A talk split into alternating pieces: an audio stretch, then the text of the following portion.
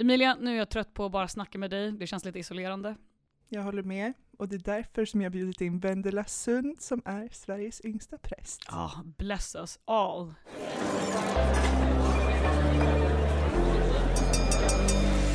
Då var det dags för AV med LT. Med oss, Emilia och Isabel. Vill du berätta lite, alltså för vi har ju skrivit ett par artiklar om dig eh, och i en av dem så står det att du liksom bestämde dig för att bli präst väldigt tidigt. Mm. Hur tidigt var det? Alltså när var första gången du tänkte att du ska bli präst? Eh, alltså första gången som mina föräldrar minns, jag minns ju inte det här, men mina föräldrar har skrivit ner, eller mamma har skrivit ner, när jag var fem år att jag sa jag vill bli präst. Att det var liksom en, att, att då uttryckte jag det för första gången. Mm. Och sen var det liksom, det var den jag var, att jag skulle bli präst hela min eh, skolgång. Mm. Jag är liksom uppvuxen i en liten, liten by i Dalarna. En väldigt stängd värld kan man säga. Det var ju väldigt så, man, man hade liksom en skola, alla gick på den skolan och vi var väldigt få elever och sådär. Så det var en ganska tuff miljö eh, att växa upp i, särskilt min pappa är präst också. Så mm. att jag var ju liksom prästungen på byn. Och då var ju kyrkan en helt annan värld. En värld där jag liksom, jag blev inte bedömd för mina kläder eller vem jag var eller hur jag var eller vad jag sa. Utan mm. eh, kyrkan var en värld där jag fick vara helt. Liksom. Och att min identitet var att jag var liksom älskad och välsignad mm. av liksom, universums skapare. Det var så mycket större än den här skolvärlden som var väldigt hård mm. eh, och tuff. Mm. Och just att jag liksom bars av den, att jag är menad för något större. Mm. Det, här är inte, det här kommer inte definiera vem jag är. Att det är jobbigt att gå i skolan nu eller att jag inte är så populär. Eller, mm. eh, utan jag har ett större uppdrag än det här. Så, så det kände jag liksom hela... Och jag blev nog fast besluten om det när jag var kanske 13. Då var jag verkligen så här, det här är... Mm. Det blir mm. inget annat än det här. Det blev lite din räddning liksom ja. från en tuff Ja men skol. verkligen. Ja. Att det var det jag hela tiden kände att så här, okej okay, nu är de elaka men jag ska bli präst. Alltså det här mm. är inte vad jag, vem jag är. Eh, utan jag är någonting större och någonting viktigare. För att Gud har bestämt att jag ska göra någonting. Jag har ett större syfte än det här. Mm. Eh.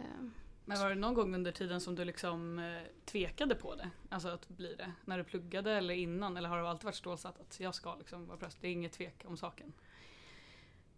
Alltså såklart har jag tvekat på det. Mest också tror jag för att liksom, jag är uppvuxen då liksom i en prästfamilj. Jag har gått till kyrkan varje söndag i princip i hela mitt liv. Jag kan nog räkna på liksom två händer. Mm. De gånger jag har missat. Det är verkligen en del av mig. Um, och då har jag väl känt att jag har, har jag liksom vågat prova någonting annat. Um, och tvekat lite så att så här, ska jag göra någonting annat? Mm. För att se. Men, men varenda gång jag ens har liksom investerat mig i något annat så har jag känt att men det, det här är min värld och det här är det jag ska göra. Eh, och jag kan liksom inget annat. Alltså jag det här är ju det jag har gjort hela mitt liv. Ser du att vara präst som ett yrke för dig eller är det mer ett kall? Liksom? Nej men det är verkligen ett kall. Mm. Eh, det är ju det jag är dygnet runt. Mm. Min, eh, min man är också präst. Så att vi liksom mm. det blir väldigt mycket kyrka eh, dygnet runt. Mm. Både hemma och här. Eh, och det känns väldigt Ja, det är större liksom. Och jag, jag hade verkligen i, i andra delar av världen där inte kyrkorna har så mycket pengar så är man ju präst. Och så har man ett annat jobb, alltså att man är präst. För att man mm. inte har råd att ge lön till prästerna. Och så känner jag ju att jag hade gjort det här även om jag inte fick pengar för det. För det här är mm. liksom, det här är det jag vill göra med mitt liv. Så. Och du är ju liksom Sveriges yngsta präst. ja, eller i alla fall en, av, en av en Sveriges av, yngsta. Ja. Jag var Sveriges yngsta när jag vigdes. Ja. Jag var ju 23. Eh, var jag.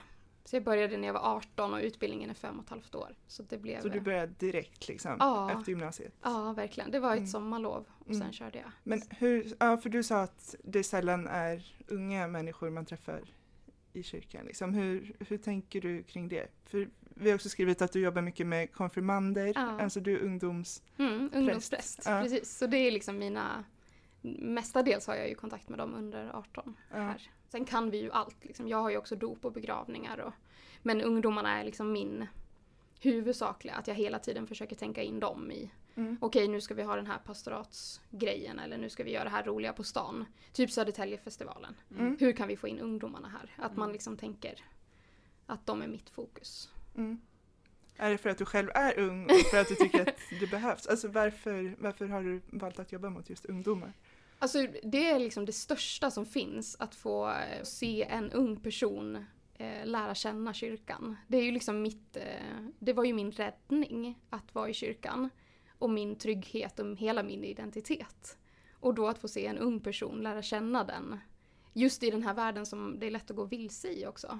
Få se att här, ja men att, att fördjupa, fördjupa den relationen, det är liksom det största jag får göra. Och sen är det ju roligt, alltså det är ju väldigt roligt att ha med ungdomar att göra. liksom åka på läger, jag älskar att åka på läger. Och jag är liksom mer en kvällsmänniska än en morgonmänniska, så det är väldigt enkelt att ha de typerna av arbetsuppgifter. Men blir du liksom lite ledsen av att tänka på att det är färre och färre som väljer men typ att konfirmera sig och som tror? Typ. Alltså, vad, vad tänker du kring det?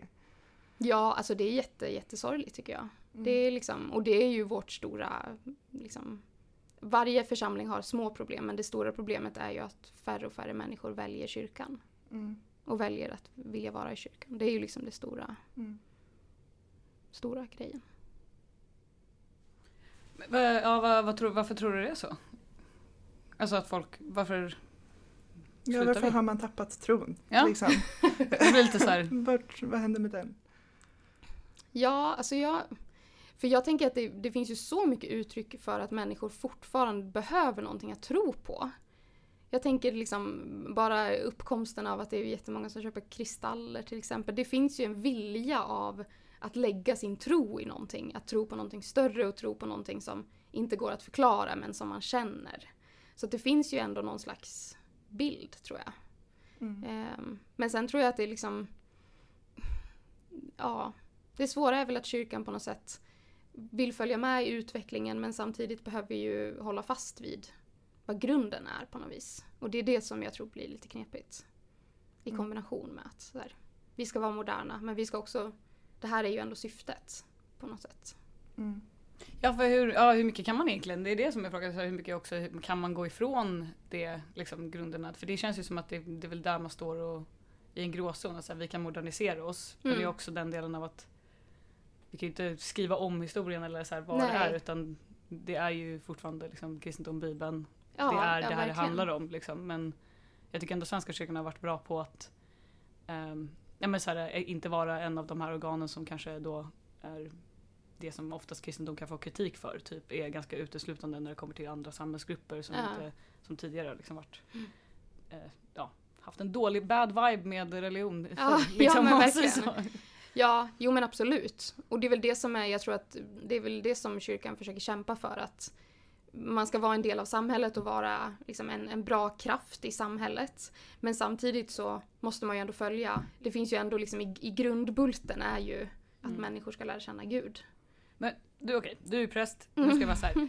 Eh, pratar du, känner du att du pratar med Gud hela tiden? Lyssnar han i bakgrunden eller är det som att du ringer upp i en telefonkonferens? Liksom, att så här, nu ska jag prata med Gud. Eller är det mer att du känner att han är där bakom? Typ, eller här uppe? Eh, ja. Alltså jag är en väldigt fysisk person när det kommer till tro. Mm. Jag tycker om liksom, ja men som att gå i mässa till exempel på söndagen är ju mitt bästa sätt att, att prata med Gud. För att jag får göra det med kroppen. Mm. Alltså att buga, korsteckna mig, eh, hålla händerna eller knäfalla. Alltså just med kroppen få känna att jag har kontakt med Gud. Eh, sen är det ju liksom ett ständigt pågående. Han är ju närvarande hela tiden. Det är ju verkligen. Eh, och jag ber ju för ungdomarna hela tiden. Det är ju liksom en ständig så att jag känner att jag har ansvar för att de att jag ber för dem. För alla ungdomar? Eller för, för dina ungdomar? Både och. Jag ber alltid för Södertäljes ungdomar. Verkligen. Och sen är det ju mina liksom. Mm. Eh, det är ju det som är det fina med att få vara ungdomspräst. Att få bli liksom, insläppt i deras liv och det de brottas med. Och, och att jag ber för det. Mm. Men det Ja. kan man, vad? Nej men jag har också en fråga, nej men för jag hänger lite på TikTok och Mm. där har det varit, eh, jag vet inte hur jag kom in i den algoritmen, men liksom att, att kristna eh, lyssnar på moderna låtar idag och att djävulen ofta kommer på tal. Oj! Ja. alltså i låttexterna. Vad tycker du om det? Vad lyssnar du på för musik? Oj. Ja. Jo men det tänker jag, alltså. Ja. Det är väl den stora frågan. Mm. Eh, om, djävulen tas ju väldigt mycket ofta upp tycker jag. Det är Ja. också mycket det som, som vi hade nu med min senaste konfagrupp så hade vi så här, vad vill ni att vi ska prata om under det här konfaåret?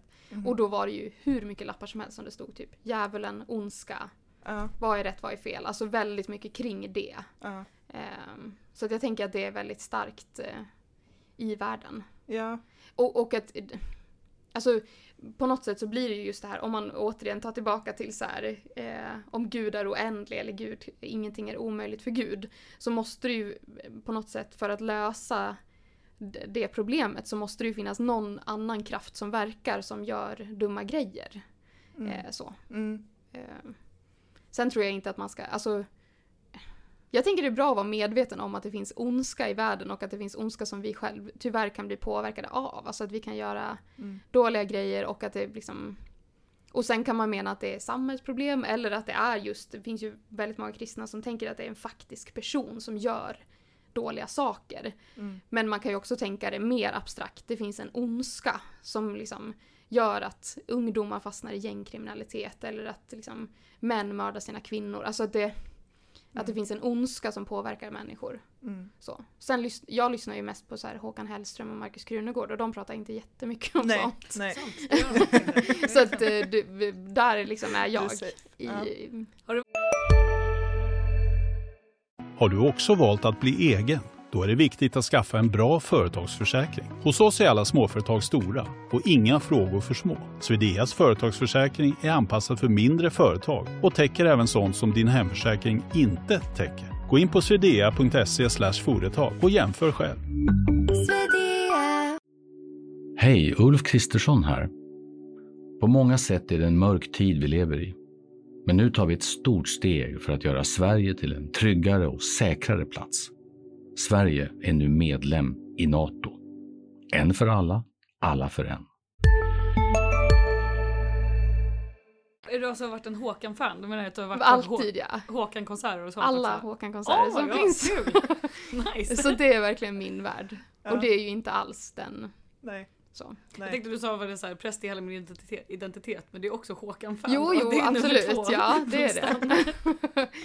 det är när du inte fullt ut prästar då Ja, blir det Håkan. då blir det Håkan. Så Mm. det, Nice. ja, det är mycket Håkan Hellström. Det här med att svära i kyrkan, Ja. är vi, är vi helt anti det? Om, om du slår i, alltså om du slår i tån eller Ja. någonting. Är det verkligen att du bara kors i taket typ? Eller är det att man kan bara fan och sen bara nej förlåt. Nej men jag är faktiskt, ehm, jag, är, jag är väldigt noga med att inte svära. Mm. Alls. Ja, och mina ungdomar är också väldigt duktiga på att inte svära gudar nära. Är vår princip liksom. Så att när man svär så säger de det också till varandra. Inte svära guden nära. Ja, alltså att Gud hör när du säger sådana då, dåliga grejer. Och jag tycker alltså, absolut, det är ju verkligen inte, alltså Gud hatar inte de människorna som svär.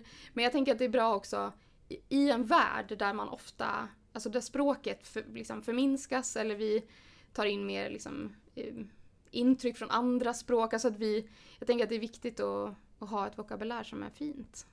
Mm. Och också att det är en liten liksom, fostringsgrej för ungdomarna. Att när man söker en, liksom, på en arbetsintervju så är det bra att man inte svär. För att då kanske, alltså, Mm. ehm, att det är en liten övning. Och att så här, ni får svära hur mycket ni vill någon annanstans. Där, där kan inte jag ha kontroll över det. Men, men här Mm. försöker vi inte svära.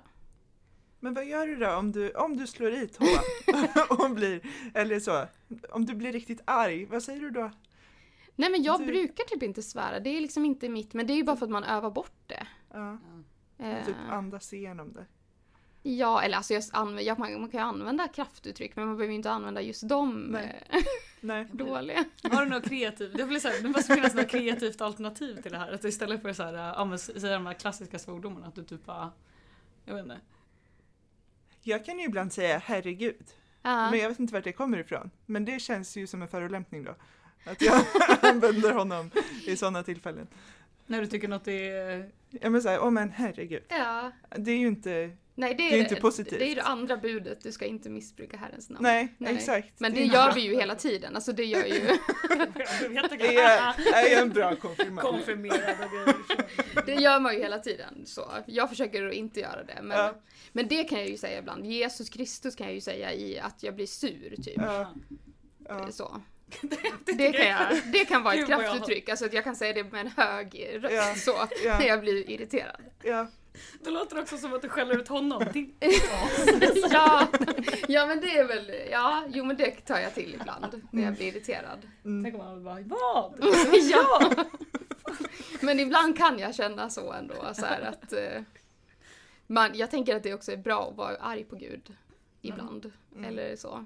Ja. Han är ju min chef liksom, eller min kollega eller vad man ska säga. Så det är ju rimligt att jag blir irriterad ibland på liksom. Mm. Är det han du skyller på om du har dålig arbetsmiljö? Liksom, det så här- Nej, nej, nej, men fast ibland kan jag ändå, man kan ändå känna så här. Mm. Ja. Ja men den delen med också, jag har också tänkt att jag har Mm. konstiga frågor. Så det är, men det, för du har konfirmerat dig och du har varit i kyrkomiljö väldigt mycket. Alltså Emilia har det. Inte väldigt mycket. Jo, väldigt mycket mer än mig. Mer än dig. säga. Ja. Eh, Ja. Jag har inte det. Nej. Så vi hade ett argument innan här om att tekniskt sett så är ju hon en bättre människa än jag är för Ja. hon har sig. men Alltså, är du döpt då? Jo det är jag. Ja, Mm. det, då är det ju på det torra. Men det anmälde jag mig inte till. Nej, nej, men det är ändå, det är det som är fördelen. Döpt får man ju aldrig bli av med liksom. Man kan inte bli Det är så avdöpt. permanent Ja, alltså. det är väldigt permanent. Så det är liksom, Man kan genuint inte bli avdöpt. nej, nej, nej. Du kan gå ur Svenska kyrkan men du kan aldrig sluta vara döpt. Jag tror det var det man gjorde om man gick ut Svenska kyrkan. Ja, man nej. bara, ah, så- oh my god. Du är fortfarande med i, den, i de döptas skara. Jag hade ingen aning om att jag fortfarande var döpt i så fall. Nej, jag det är gick du. ut i Svenska kyrkan också när jag var 18.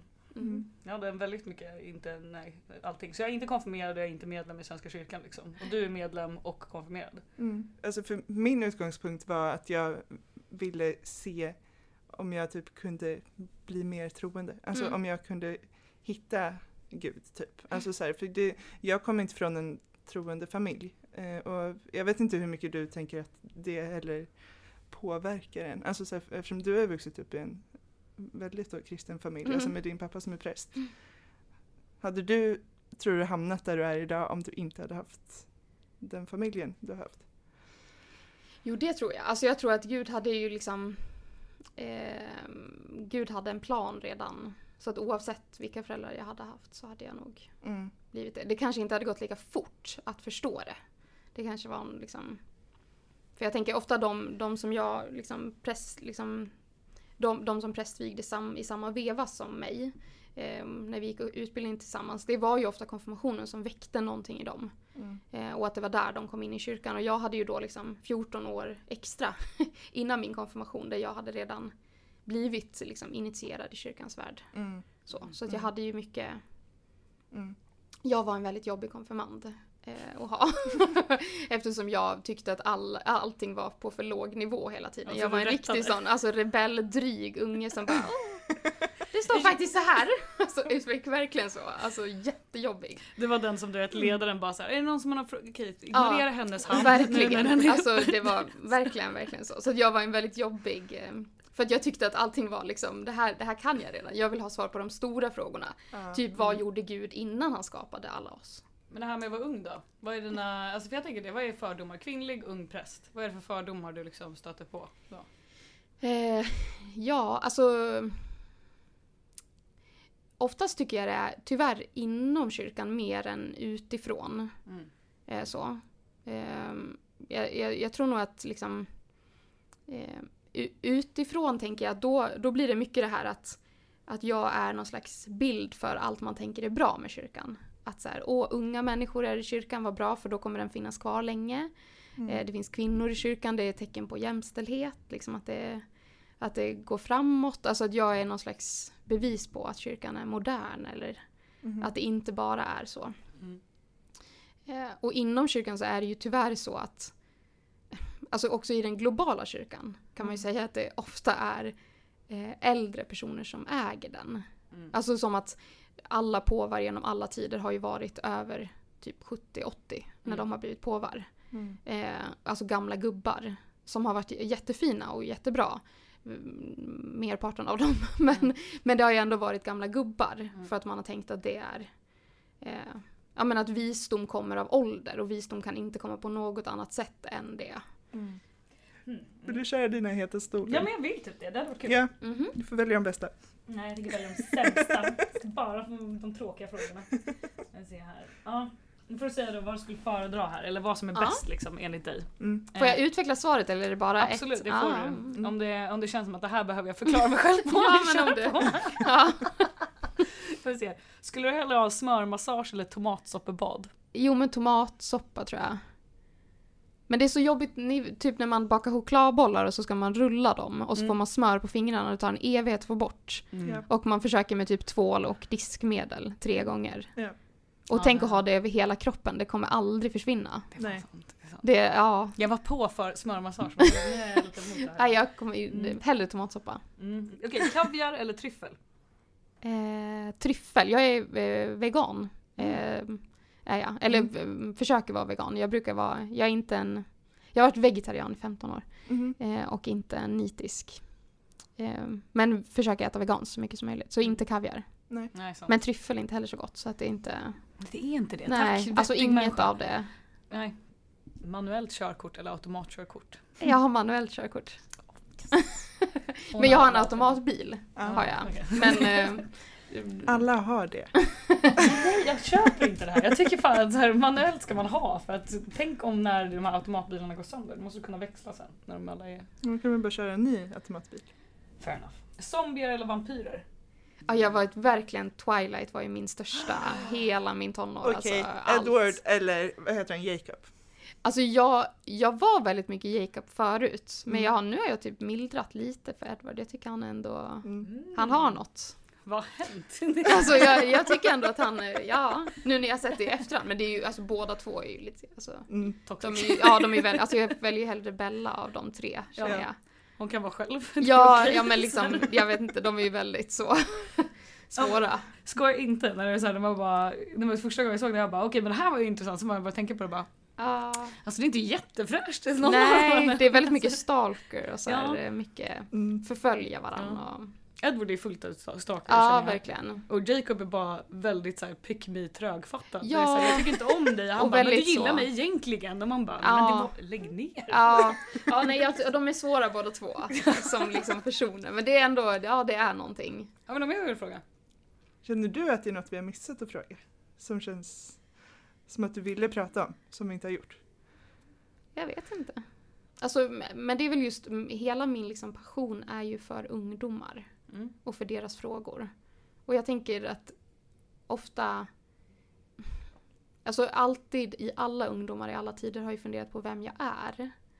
Och ofta tycker jag att nu är det så ödesmättat med vem man är. Att det är så viktigt att det ska man ha förstått. Eller det ska vara, man ska vara klar med.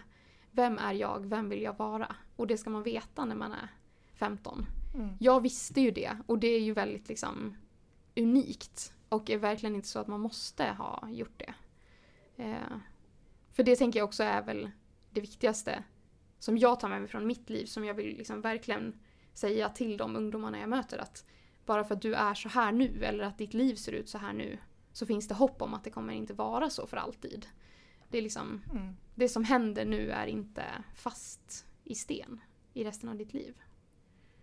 Ehm, Bra sagt. Ja, jag tänker det är viktigt att säga att det liksom finns hopp om att Mm. och att det är okej att vara vilse. För att man kommer inte vara vilse för alltid.